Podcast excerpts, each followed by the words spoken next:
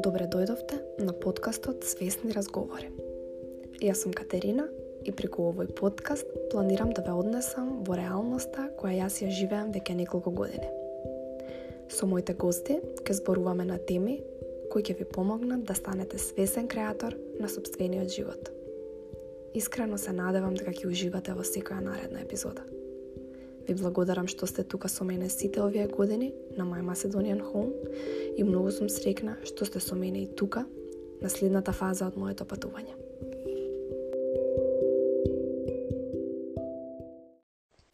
Дечки, добро вечер. Се надевам дека сте добри вечерва. А, се надевам дека си поминувате убаво ова лето. Јас веќе завршив со мојот летен одмор за оваа година. А, како сте вие? Дали бевте на одмор? А, моментално ја постирав темата на овој лайф вечерва. А, темата е православно родителување и позитивно дисциплинирање. Нешто многу интересно, нешто за кое ретко се зборува особено за православното родителување. А, вечерва ќе ми биде гостинка. А, една личност за која можам да кажам дека за мене лично е број еден кога се работи за родителство во Македонија, дека секогаш кога имам некој предизвик, лично јас, а, во однос на родителството, некоја а, недоумица, некое двумење, било зашто во родителството, секогаш ја контактирам неа. А, многу добро ја познавате, верувам, а, на Инстаграм како Развој низ игра. Незиното име е Марија. А, таа е специјален а, едукатор и рехабилитатор, но всушност таа е едукатор за родители и во последно време е посветена на тоа да ги освести а, младите родители на а, разни теми од секојдневието. Има неколку неизени курсеви и секојдневно и неуморно со нас споделува а, начини за како да а, постапуваме најдобро во однос на тоа на долг рок да направиме што можеме подобро за нашето дете и за нас. Па сега ќе ја покана Марија да ни се придружи и да го започнеме овој интересен разговор.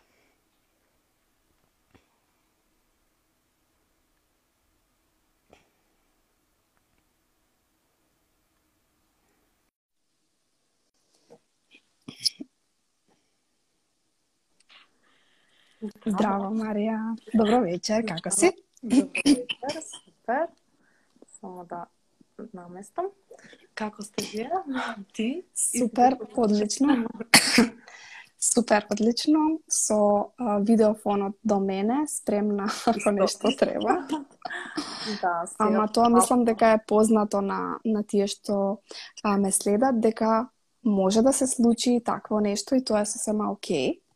И за мене, и за моите гости. Така што да, тоа е сосема нормално и ќе си биде се опуштено, ако нешто се случи, се случи, тука сме си. А, Марија, во колку часот ги заспиваш децата? Седум и пол осам. Ух, одлично. Нас ни е малку предизвик а, летото, кога се уште е светло. Да но да, од друга страна да нова да го заклучува. Да. И пара малку подоцна која ќе се стемни, ама јас сепак сум мислам гледам дека имаат потреба од сон, не дека стрикно мора mm -hmm. да бидат во во кревет, туку баш она се осеќа во тензијата, однесувањето дека им е потребно време да. за спиење пошто и рано се се будат. Да. Да, исто и ние се трудиме до 9 сат да бидат двајцата легнати во лето, во зима и порано. Да. Некој краток совет, затоа што често се соочувам со мајки кои што велат дека не можат да ги заспиат децата пред 10-11 во лето. Um, искрено, јас лани um, од од самиот старт Анисија имаше а, ред и заспиваше во 7 онака како точно во 7 часот, а после како се роди Елисеј, некако природно се помести тоа време и заспива во 10-11 заради него, зашто уште нели да. на почеток како бебе му беше, да. И баш мислев, леле, готово изгубивме ред во 10-11, беше предоцна за, според мене за неа.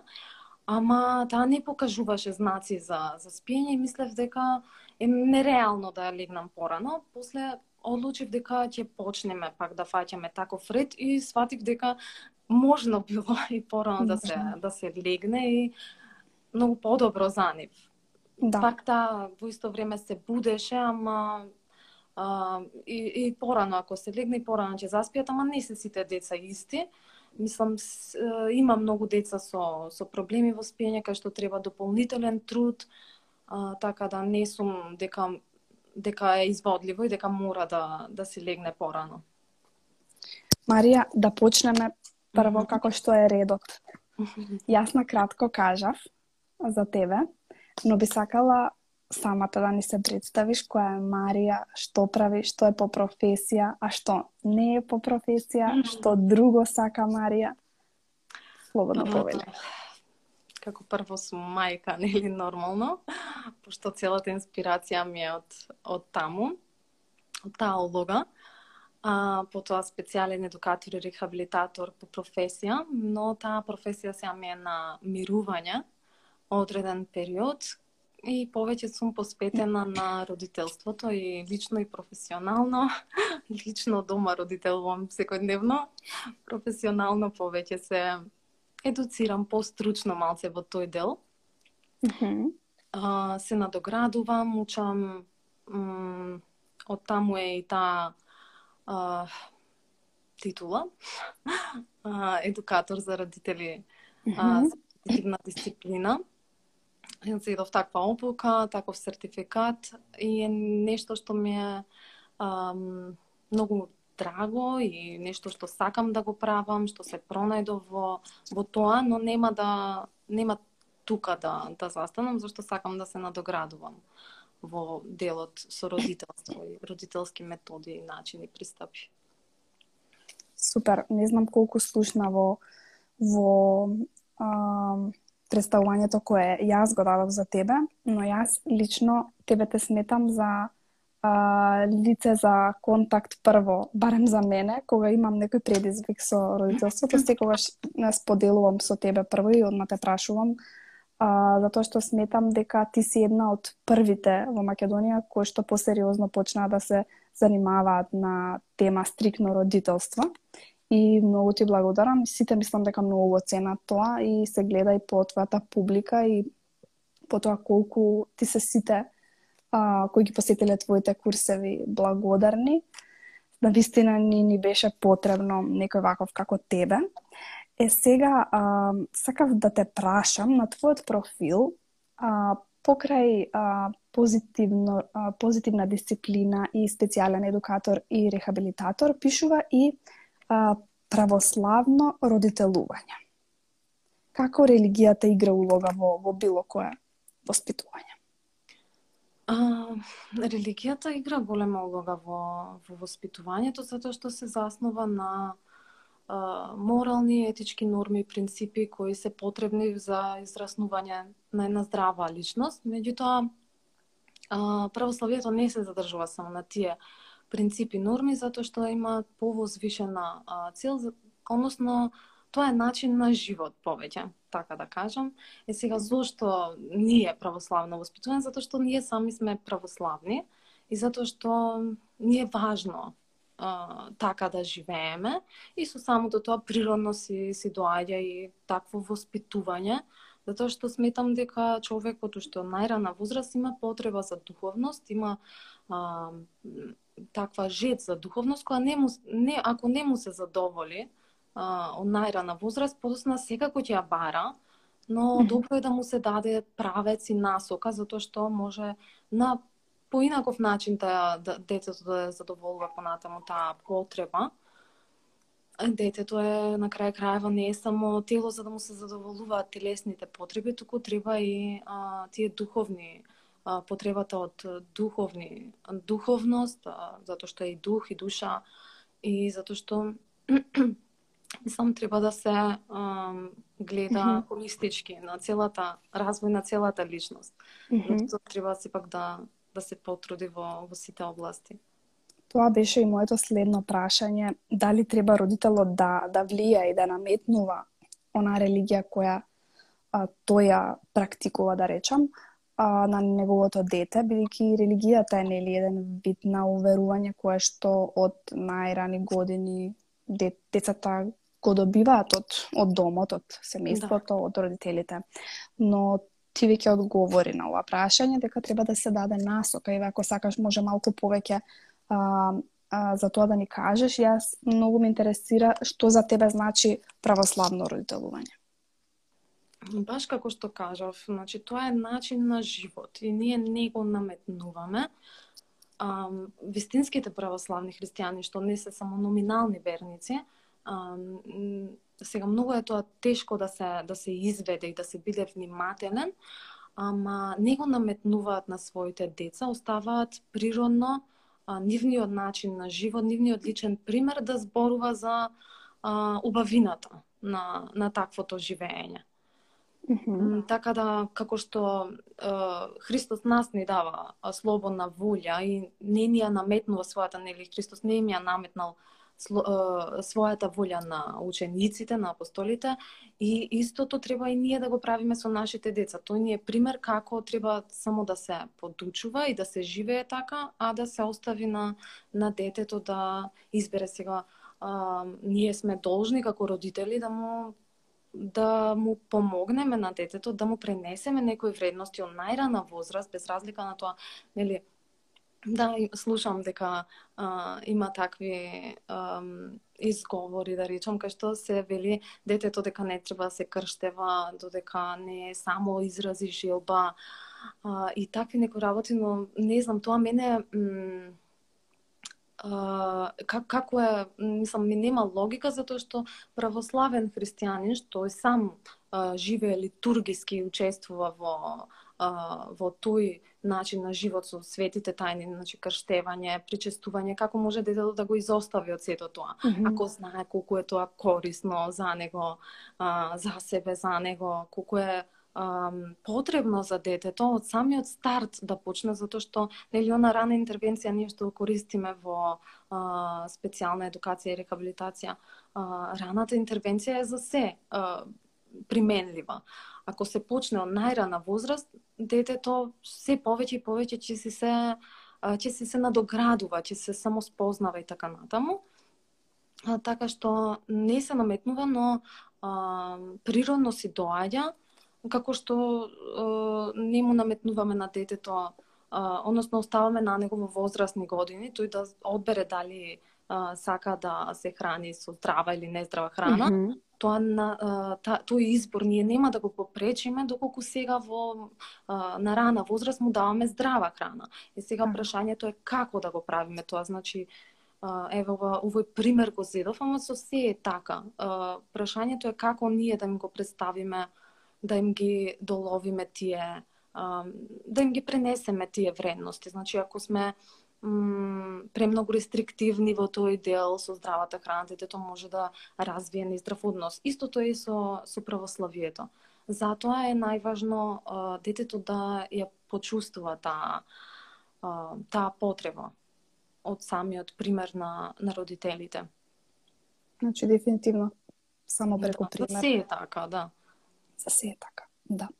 А, ова ме води а, до прашањето Um, јас имам читано за доста контроверзии во врска со православното учење, а тоа е дека поддржува удирање како метод за воспитување и истражував на таа тема, толкување на Библијата и така натаму. Јас uh, од прилика го знам одговорот, но би сакала uh, да го слушам твоето мислење во однос на оваа тема и општо за удирањето како метод на дисциплинирање. Е сега, пошто ја спомна Библијата, а, да разграничиме некои работи, а, чисто да биде појасно, а, затоа што а, се добива таква слика, например во доколку се чита Стариот Завет, таму има многу такви методи на а, не само за воспитување, туку на око за око, зап за зап, да, да се ам, груби некои методи и начини. А, тоа е Стариот Завет е пред доаѓањето на Христос, пред раѓањето, кога биле дозволени и едноставно свеста на луѓето била таква тој период. Значи тогаш било време на војување и такви некои работи, сега да не навлекуваме да објаснуваме Библијата, а, а Новиот Завет а, се после доаѓањето на Христос се заснова на љубовта. И такви методи веќе а, не се благословени.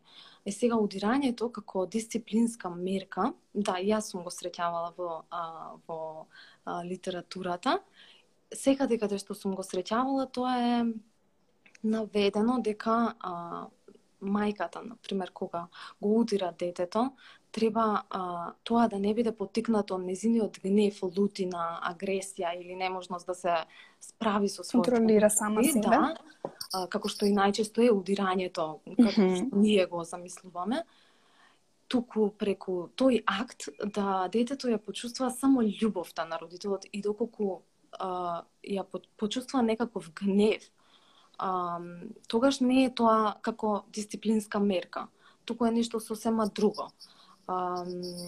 Е сега е многу тешко и баш пред некое време читав една книга од монахиња за разговори со деца, бидејќи имаше а, монахињата водеше разговори со деца затоа што им држеше веронаука. И баш имаше како таа гледа на тоа и вика а, подобро е да се избегнува тој метод затоа што кај, кај, не, кај родители кои не може да го применуваат така како што кажа. Значи, она без безболно, само со љубов, затоа што клучната идеја во во православниот начин на воспитување е строгост од љубов. Значи, мора да бидеме строги, mm -hmm. затоа што ако не сме строги, а, не го сакаме детето, така се смета. Зашто секој а, баш имаше пред некој време се не се сеќам точно од кој кажано, значи кога наставник кој бил строг со, со децата, така mm -hmm. децата знаеле дека им, им се важни.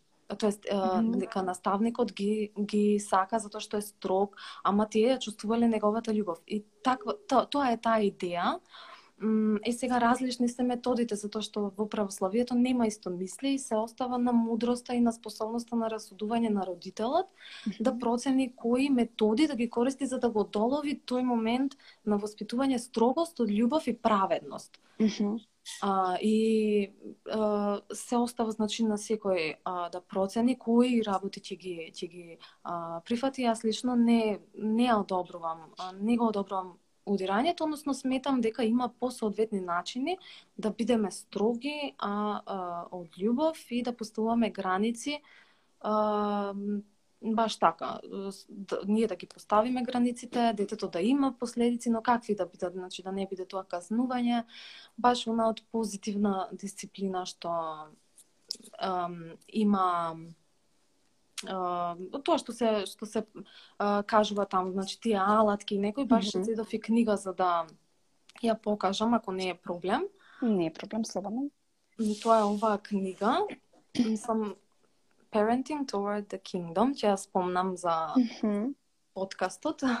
А, е сега а, оваа книга Uh, ја избрав чисто да ја покажам бидејќи темата Новој Лайф е православно родителување и позитивна дисциплина, значи ова е uh, авторот која има пишувана е православен родител на седум деца. Всушност mm -hmm двајцата родители ја имаат пишувано, но тој е како родителски експерт, семен терапевт или не знам точно што е и внатре може да се да се види како се применуваат алатките на позитивна дисциплина во православниот аспект на живење. А, имам една книга дома, ја имам прочитано пред известно време за позитивна дисциплина и баш ова што го спомна строго со љубов, едно сто пати беше спомнато низ цела книга. Mm -hmm. Значи, според ова ти што го кажа сега, а, за православното родителување И ова јас што го прочитав во мојата книга, дали е то, дали заради тоа избра позитивно дисциплинирање, затоа што се се совпаѓа толку многу со филоз... Совпаѓа, да, се совпаѓа. Да. Па, сосема случајно испадна, ама после... А, Меѓутоа, тој навлеков баш беше... стил, да, е баш со тебе, да, резонира и е соодветно за тебе. да, така.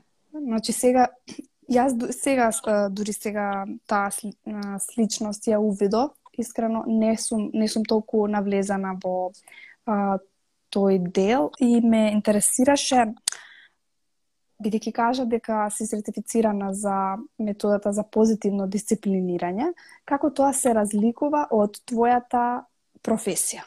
Што е всушност тука, што се судира, што е слично, што е различно? М, сосема различни се тие работи, но позитивна дисциплина е применлива во работата како специјален едукатор и рехабилитатор. Баш има значи дел а, од нивната а, во нивниот метод има да одбереш дали сакаш да бидеш едукатор за родители за позитивна дисциплина или како едукатор на наставници. А, и е сосема применлива во а, работата со лица со нетипичен развој. Тоа е мојата а, прва, тоест тоа е мојата професија. Е сега а, не беше неопходно да го земам, но јас лично сакав а, повеќе заради мене да го земам за да се надоградувам да го надоградувам мојот пристап како родител, да дознам нешто повеќе, а потоа и бидејќи веќе родителите имаше добар фидбек од родителите кога ќе објавев нешто поврзано со тоа. А, и увидов дека има потреба да да се зборува, не дека само јас тоа го кажувам, јас само го повторувам.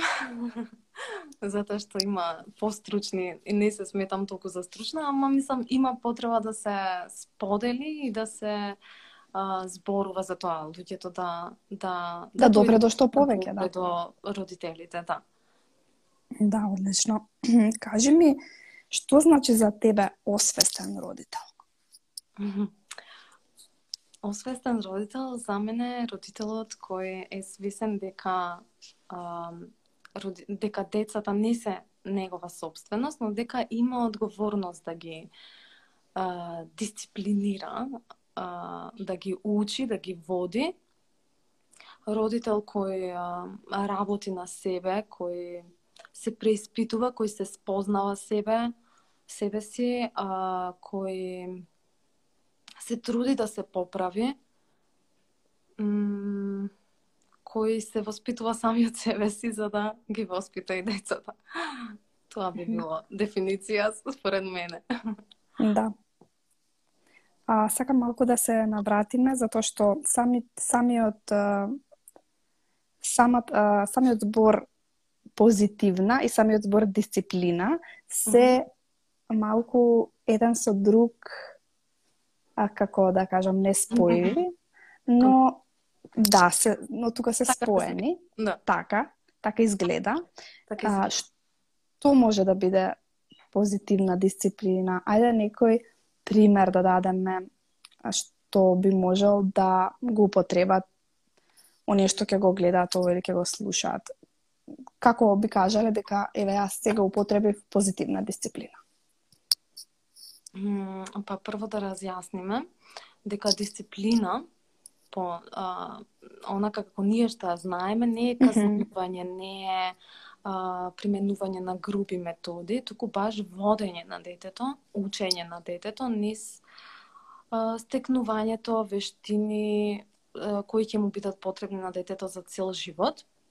А позитивна, а, пак тука може да се добие погрешно мислење, затоа што многу често има еден пристап кој што применува позитивно засилување, ам, кај што се применува награда, каз... тоест награда, пошто за позитивно зборуваме, преку Мгм. награди, стикери, такви некои ам, начини на мотивација. И тоа не е, туку е баш а, акцентирање на долгорочни цели кои сакаме да ги видиме кај детето. И во одредена ситуација да постапуваме а, согласно поставените долгорочни цели. Сега, Mm -hmm. а, ситуација, ситуација, пример за ситуација, а, обичен тантрум нека биде, Mm -hmm. обичен.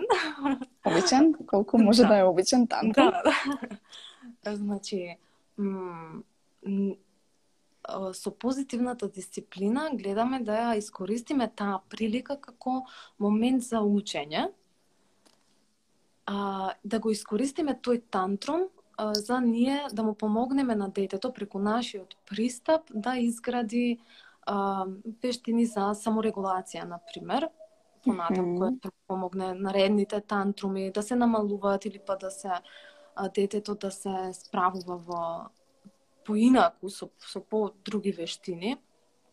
А, во текот на танчумата, исто исто и понатаму во животот. А, таа способна за само саморегулација на која што ние како деца не сме учени, а е толку потребна и во возрасен период затоа што многу нас не се саморегулирани. М, така што позитивна дисциплина би примениле тогаш кога не би се труделе да ги задоволиме само краткорочните цели, односно да го прекинеме тантрумот, Да. а туку да да го да му помогнеме на детето да да го смириме на некој начин, ама со тие а, долгорочни цели на ум. Значи да стекнува ам, понатаму тие вештини за саморегулација што ги кажа, трпение, ам, ам, способност за справување во предизвикувачки ситуации, а, не знам, други некои сега не, не ми доаѓа. Баш долгорочни цели, она потребни за функционирање на, на одредена личност. И не се трудиме да го, да го спречиме тантрумот, затоа што тоа, тоа не е позитивна дисциплина. А, ете би било позитивно а, засилување доколку го наградиме ако престане а, што би било? Би било дисциплинирање онака традиционално како што го знаеме ако го казниме. А, така, мислам, таа, таа е разликата со, со позитивна дисциплина и при тоа е, кога применуваме таква позитивна дисциплина, а, многу е клучен моментот на покажување разбирање, емпатија, на помагање во зависност од личноста на детето, она што му е потребно нему за баш индивидуален пристап во тие моменти. Многу често се случува а, да видам некој од постарата генерација, да речеме некоја баба на детенце, да сака да го прекине тантрумот или плачењето на некој дете. Особено тие се плашат од солзите, од Да. тантрумите, од таквите изливи на емоции кај децата. И ние како млади родители еве слушаме дека ево ред да се изразат емоциите и јас се трудам да ги оставам децата да ги изразат емоциите и да не ги прекинувам, но ете некогаш ќе се најде тука околу некој што мисли дека не треба така и дека треба одма да се направи дистракција Мгм. за да нема солзи. Да. Можеш ли да ми дадеш некој совет во однос на тоа, па ќе го поврзам после тоа и со следното прашање. Како би се справиле со со тоа како нашиот а, став и нашиот стил да го на некој начин одбраниме и да го да да да останеме и во таа ситуација доследни. Многу е тешко да му се долови на човек, на личност која не е запознаена со придобивките на плачењето, на пример. Многу е тешко да му се каже дека треба да се остави детето да да плаче, дека е сосема нормално и дека е корисно за него во моментот. Затоа што ние така гледаме на тоа, кога бидејќи сме така воспитувани, гледаме на тоа како однесување, лошо однесување кое со кое се изразува нашата неспособност да го воспитуваме детето. И тука одма се се плашиме и тоа не е само кај баби и кај други луѓе околу, туку а, и кај родителите многу често, дури најчесто, мислам, не е, не е редкост да се види родител што сака да го прекине и на кој начин да го прекине. Баш има Мгм. некое време случка во Трговски кој што мајката ги употреби сите погрешни методи, но дека сакав да појдам да ја кажам да а, да го остави. Да го остави детето да плаче, зашто сигурно е престимулирано, сигурно биле на шопинг, не знам колку време. И дека за детето тоа е, сега не знам која била причината, не знам, ама предпоставувам дека знам дека децата од кои причини доаѓаат до такво однесување и баш ги примени сите сите методи за да за да го прекине плачењето и она најмногу што ме погоди беше дека а, ќе ти викнам полиција, имаше полицајци и не знам, значи личноста која треба да му покаже а, дека е безбедно со неа, а, му покажува во тој момент дека е небезбедна да се биде со, со, со таа личност, а, а детето најмногу во тие моменти потребно му е да му покажеш дека е на безбедно, дека јас сум личноста во која што ќе најдеш безбедност. А, и со самото тоа се побива тоа и уште повознемирено станува детето. А, клучно е мајките да да знаат колку е важно детето да се исплаче, па и да, да се однесува соодветно на, на неговата возраст, а, да го искуси сето тоа, да не се прекинува, да му се помогне, како што кажав предходно, да стекнува вештини за, за, само, за саморегулација преку таа корегулација, помогната регулација од страна на мајката. А врска со другите луѓе, пак ќе кажам, е многу тешко да... Мислам, тоа е едно од најчестите прашања што ги добивам на профилот и периодов имав неколку може ме следат сега на лајвот, ќе се пронајдат како баш и од тие совети што ви кажувам на браќа и сестри курсот Ривалство и пријателство, како а, да им се долови на другите луѓе околу да не потикнуваат ривалство помеѓу браќа и сестри. Она споредување и такви некои методи кои што ги спомнувам дека потикнуваат ривалство. Едноставно разговор и укажување на своите принципи, барем јас така правам со со блиските кои што со кои поминуваат време а, моите деца. Едноставно мора да се укаже на кој начин ние сакаме да ги воспитуваме децата кои работи сакаме да да ги нема кои да ги има и освен разговор не знам како поинаку не не би можела да самата личност треба да биде свесна А тоа тоа се зависи од индивидуално од личностите. Mm -hmm. Да. А, а што кога се работи за партнери а, кои што имаат сосема различни ставови во воспитувањето, што кога едниот родител е освестен, ги промислува работите пред да реагира, гледа на долг рок за, дете, за добро на детето, а другиот користи како што предходно наброја, застарени методи, кои што воопшто не се за доброто на детето на долг рок, туку се за моментално да се да се спречи нешто, да се да се забрза некој процес во моментот, некое, нега, некое негативно однесување, да, да го наречеме така, што во тој момент, кога а, се случува партнерите да се сосема со различни ставови во односно родителството, зашто ова прашање е многу често исто така. Да, да, исто тоа Сакам да кажам, дека ова се двете најчести прашања. А, баш Владита Јеротич јас сакам да го слушам и тој често ги спомнува тие а, турски тушеви ги нарекува. А, и самиот бил така воспитуван од татко строг, мајка блага мислам тоа е добро кога е кај една личност истовремено и строг и благ. Mm -hmm. Ама а, тој кажува дека е многу штетно за детето двајцата родители да се разидуваат со ставовите, затоа што тогаш детето најмногу се збунува. Мислам и психолозите тоа а, истото го, го, го кажува дека а, дека е добро родителите да бидат на ист став за детето да знае исто на што е. Затоа што кога се на различен а, став, тогаш детето се збунува, сака да види кај кого како ги тестира родителите, многу по а, предизвикувачки однесувања има детето и тоа не е по негова вина, туку едноставно а, и тоа самото не знае што да очекува. Mm -hmm.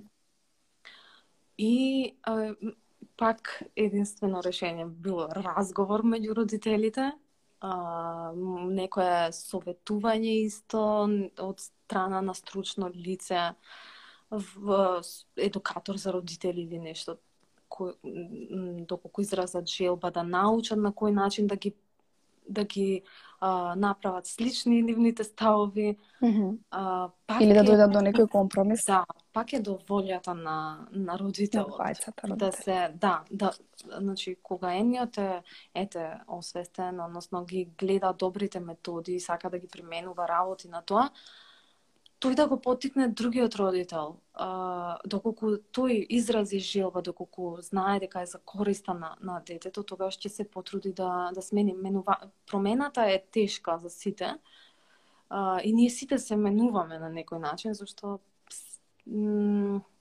иако не се нови овие методи што сега ги зборуваме, пак се долги генерации а, применувани по инакви методи и ние се да. пре, превоспитуваме на некој начин.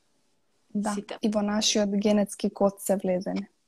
Да, Мислам да, дека е многу тешко некогаш јас иако се сметам за стварно освестен родител и се трудам а, секогаш да користам нови методи да ги наречам така, се да. се фаќам себе си понекогаш а, автоматски дека кажувам некои работи што се стварно застарени не знам, не можам да се сетам на пример, ама ете така некогаш а, ми доаѓа да речам, ете зашто јас така реков. Например, да. тоа, јас, тоа, тоа е свесна сум и, и да. ме нервира, а некогаш знам да го употребам автоматски. Да, да, да. Ние Затоа да, што премногу да. фрази кои сме ги слушале или дали на нас директно да биле кажувани или сме ги слушале околу. Да. Нормално е и, и не е ништо страшно пак не треба да ги подценуваме децата дека се толку кревки, дека тоа не знам колку ќе им влијае. Да, влијае, дефинитивно, затоа изборуваме, затоа и сите овие едукацијски а, настани се случуваат, ама а, пак ќе кажам, важно е да работиме на себе, тоа што кажав за освесен родител, да работиме на себе, да се да ги менуваме тие ставови, да се поправаме, да му а, исто многу многу важен момент е да му укажеме на детето. А, дека тоа ние сме го погрешиле, дека не сме мислеле така, дека а, тоа било кажано заради тоа и тоа, така сме постапиле заради тоа и тоа. А, тоа е дури многу поважно отколку да се покажеме како совршени, зашто нема, не сме совршени и тоа само со тоа му покажуваме некоја лажна слика за нас. Многу поефективно е да му покажеме дека сме сгрешили и каде сме сгрешили и зошто. Зошто сме сгрешили, дека ни е криво, на пример, и така и детето го поттикнуваме да се а, да ги согледува неговите а, лоши mm -hmm. Да од рана возраст да станува свесно дека има и тоа дека постапува дека, лошо и дека да. може да постапи поинаку, дека има избор и дека и кога ќе сгреши не е ништо страшно, туку едноставно треба да да а, се поправа. Тоа е уште една лекција која сега ја ја учиме. Извинување да, и... на детето, нешто што никогаш Е, па да, тоа сакав да, да ви биде следно за извинување. Знам дека често знаеш да напишеш кај тебе на профилот или на стори, Uh, и често знам дека е прашањето дали треба да ги тераме децата да се извинат за да научат да се извинуваат. Јас знам дека не треба да се тераат децата, но приметувам родители што по секоја цена сакаат да го издачат извинувањето, што и не е е некоја цел само по себе, туку цел е да му покажеме дека баш ова сега што го зборуваше, дека оке да се сгреши, но битно е да да го препознаеме тоа дека сме го сгрешили, дека може на поинаков начин да изреагираме следниот пат. Да. Ние може да разговараме со детето кога ќе видиме дека нешто погрешно направило. А, и дека постои извинувањето како опција, Значи тоа, Ако сака. но тука да се задржи о, разговорот затоа што ние немаме а, власт над детето, како што кажав, и на неговите избори и постапки, ние имаме единствено власт на нашата личност и Така. на нашите избори. И најдобро може да му покажеме преку пример. Е сега тука, а, како и за многу постапки, а, кои што несвесно ги правиме, а не сме не сме свесни дека го правиме тоа повеќе заради нас. Затоа што ако јас а, а, извлечам извини а, од дете кое што не чувствува грижа на совест, ништо не сум постигнала за него, за мене да можда. Ако Во моментот.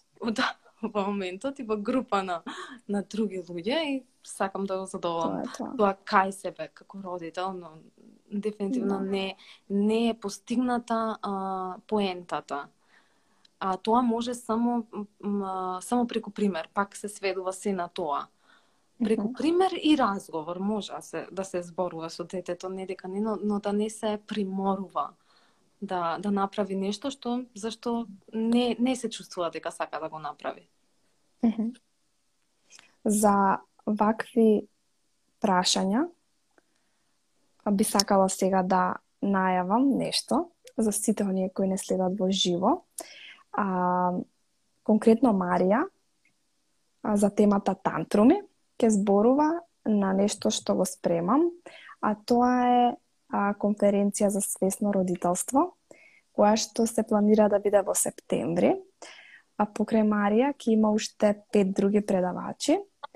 И доколку сакате да чуете повеќе за справување со а, ние сакавме да ја наречеме поинаку темата.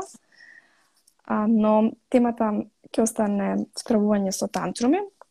Доколку сакате да чуете повеќе на оваа тема и теми како свесно родителство, а, како да поттикнеме а, социјални градење на а, социјални вештини кај децата, а, партнерски односи по добивање на дете, а, како да бидеме свесен родител, mindfulness и родителство, тогаш а, следуваат повеќе информации во наредниот период за таа конференција. Тоа ќе биде првата онлайн конференција за свесно родителство во Македонија и ми е огромно задоволство што Марија е еден од а, првите предавачи воопшто и јас се надевам дека оваа конференција ќе премине во една традиција затоа што гледам потреба за таков вид на едукација во Македонија конечно да се случи и официјално.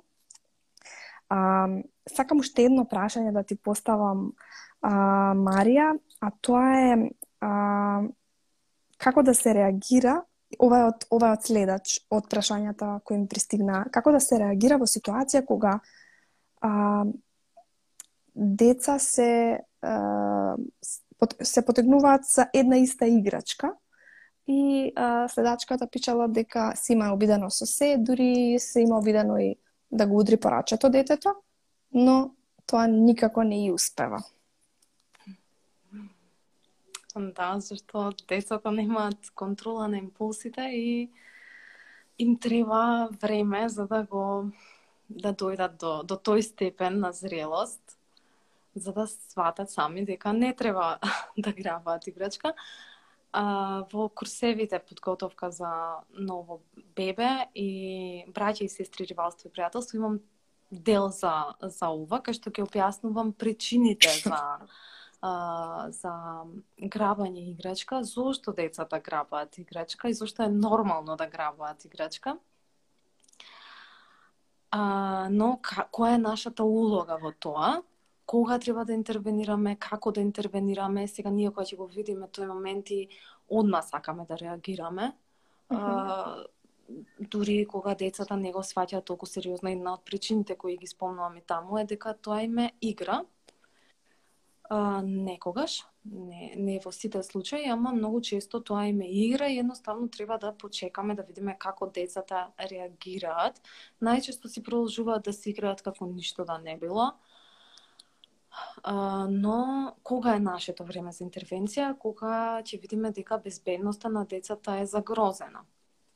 Не веднаш, одма да кажеме ти дај му играчката зашто плаче или ти си себична, не сакаш да делиш, делењето е вештина која се вежба со тек на време. Она што ние треба да направиме, покрај тоа нели да интервенираме тогаш кога сметаме дека ескалира ситуацијата, е да поттикнуваме чекање на ред а, на децата. Баш Ова го имам видено кај тебе. А, да, а сега сакам да кажам, баш имав за а, Елисеј за а, помалото дете, која сега наполни две години и колку интересно дека а, така почнавме од почеток и сега веќе него му е природен начин на а, на функционирање во игра.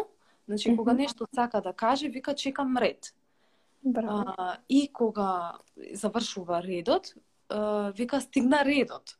Значи, а, кога на децата од, од најмала возраст им се представува еден начин, а, не дека грабањето играчка а, нема да е присутно или не е присутно или е ненормално, а, туку а, сакам да кажам дека може да се да се учи тоа чекање ред.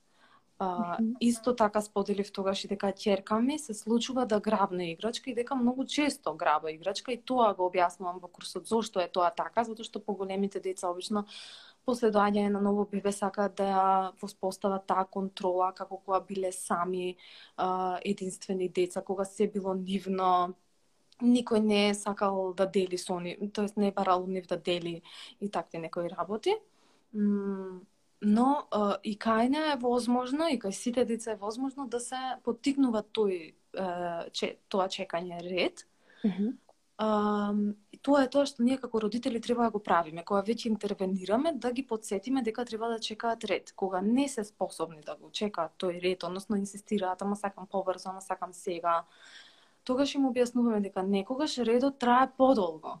И ако сакаш можам да ти помогнам, да му понудиме помош, да му дадеме друга играчка, па после може и да заборават дека чекале, може и нема да заборават, ама не е важно.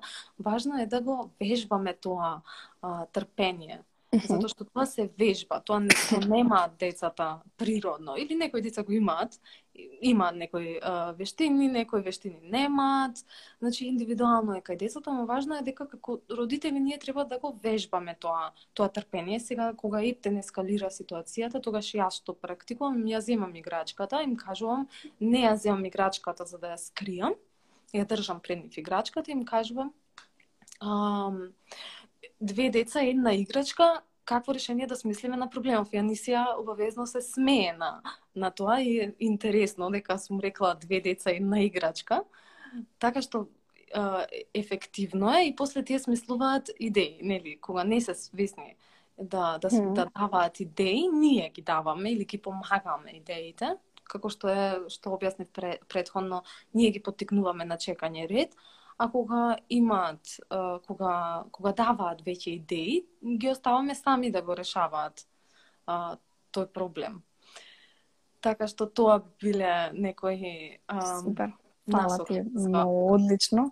Ако сакате да слушате вакви насоки, а, вакви совети, тогаш а, со сигурност треба да ја проследите конференцијата во септември, затоа што темите ќе бидат а, сите а, на различни теми од родителство, но сепак се потрудивме да бидат со многу практични совети и методи кои што секој ќе може да ги примени. Така што а, следете, ќе има наскоро повеќе информации. За крај, Марија, каде може да те најдат сите, иако веќе мислам дека 90% знаат каде може да те најдат, и кажи ни за а, што ти се нудиш на родителите како едукатор за родители? Може да ме најдат на профилот Развој зигра.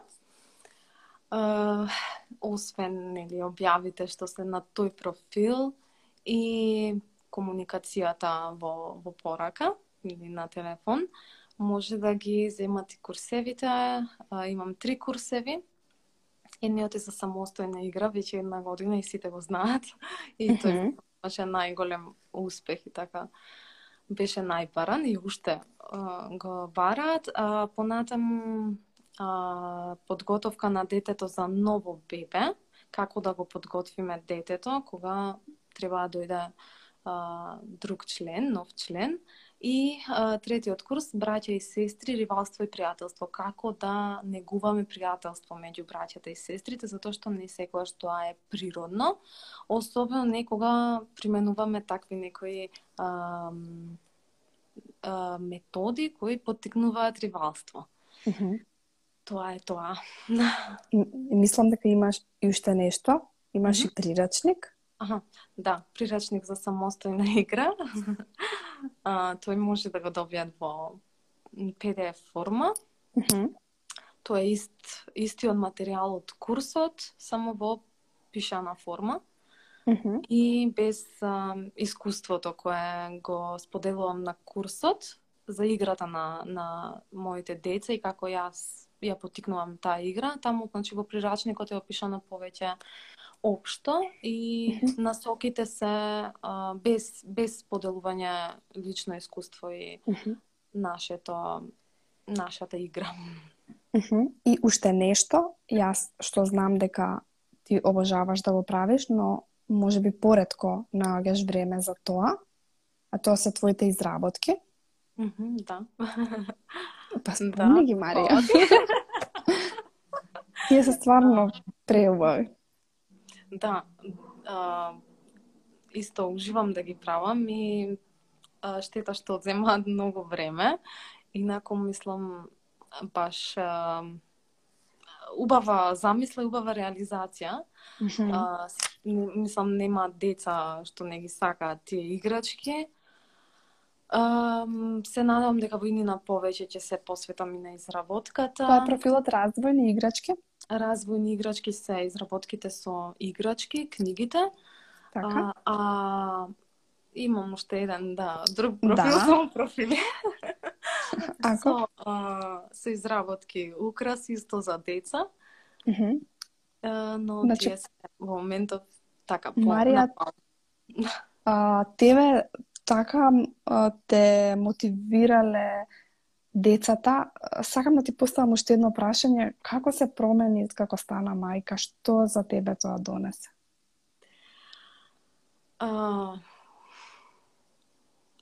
мислам дека тоа што го носев во себе само се изрази многу повеќе и желбата да да бидам присутна во воспитувањето на на децата, да бидам што е можно поприсутна и физички и секако и квалитетно и квантитетно а, ме натера да размислувам на на поинаков начин и како и многу други мајки кога стануваат мајки и добиваат други идеи, истото ми се случи и мене со изработките, со родителството, мислам со едукацијата за родителство која ја имам, ја давам. А, дефинитивно влијаеше а, мајчинството на на таквите избори и начини на на поминување на секојдневието. Многу ми е мило што ми беше вечерва гостинка и многу брзо ми летна а, скоро еден час. Многу ти благодарам. Едва и чекам а, како ќе ја изнесеш темата за тантруми на конференцијата. Мислам дека тоа е една таква тема што сите едва ќе чекаат да слушнат. Затоа што мислам дека на секој родител тоа му е еден од најголемите предизвици во родителувањето. Или барем ние така си го поставуваме себе си поради најверојатно бурната надворешна реакција. А, но ајде, оставаме да видиме како како ќе изгледа сето тоа. Многу ти благодарам уште еднаш. Те поздравувам. Благодарам на тебе за поканата, за можноста и им благодарам и на сите што остана да не слушаат. Да, на вистина имаше а, овој пат многу кои не следаа во живо. Се надевам дека и подкастот ќе го изслушаат оние кои што не не следаа во живо и дека ќе биде интересно за сите, затоа што стварно мислам дека беше ептен едукативно, сподели многу, многу а, совети. И има си убава пријатна ноќ и се слушаме и се гледаме во следна прилика. Важи, ајде, чао. Чао, чао. Поздрав на сите. Поздрав.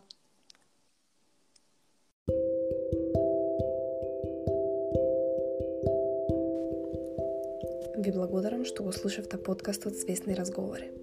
За повеќе бесплатни ресурси, посетете ја мојата веб страна mymacedonianhome.mk. Подкастот е всушност превземен од мојот Instagram Live и освен што можете овде да го слушате, можете и да го гледате на мојот Instagram профил.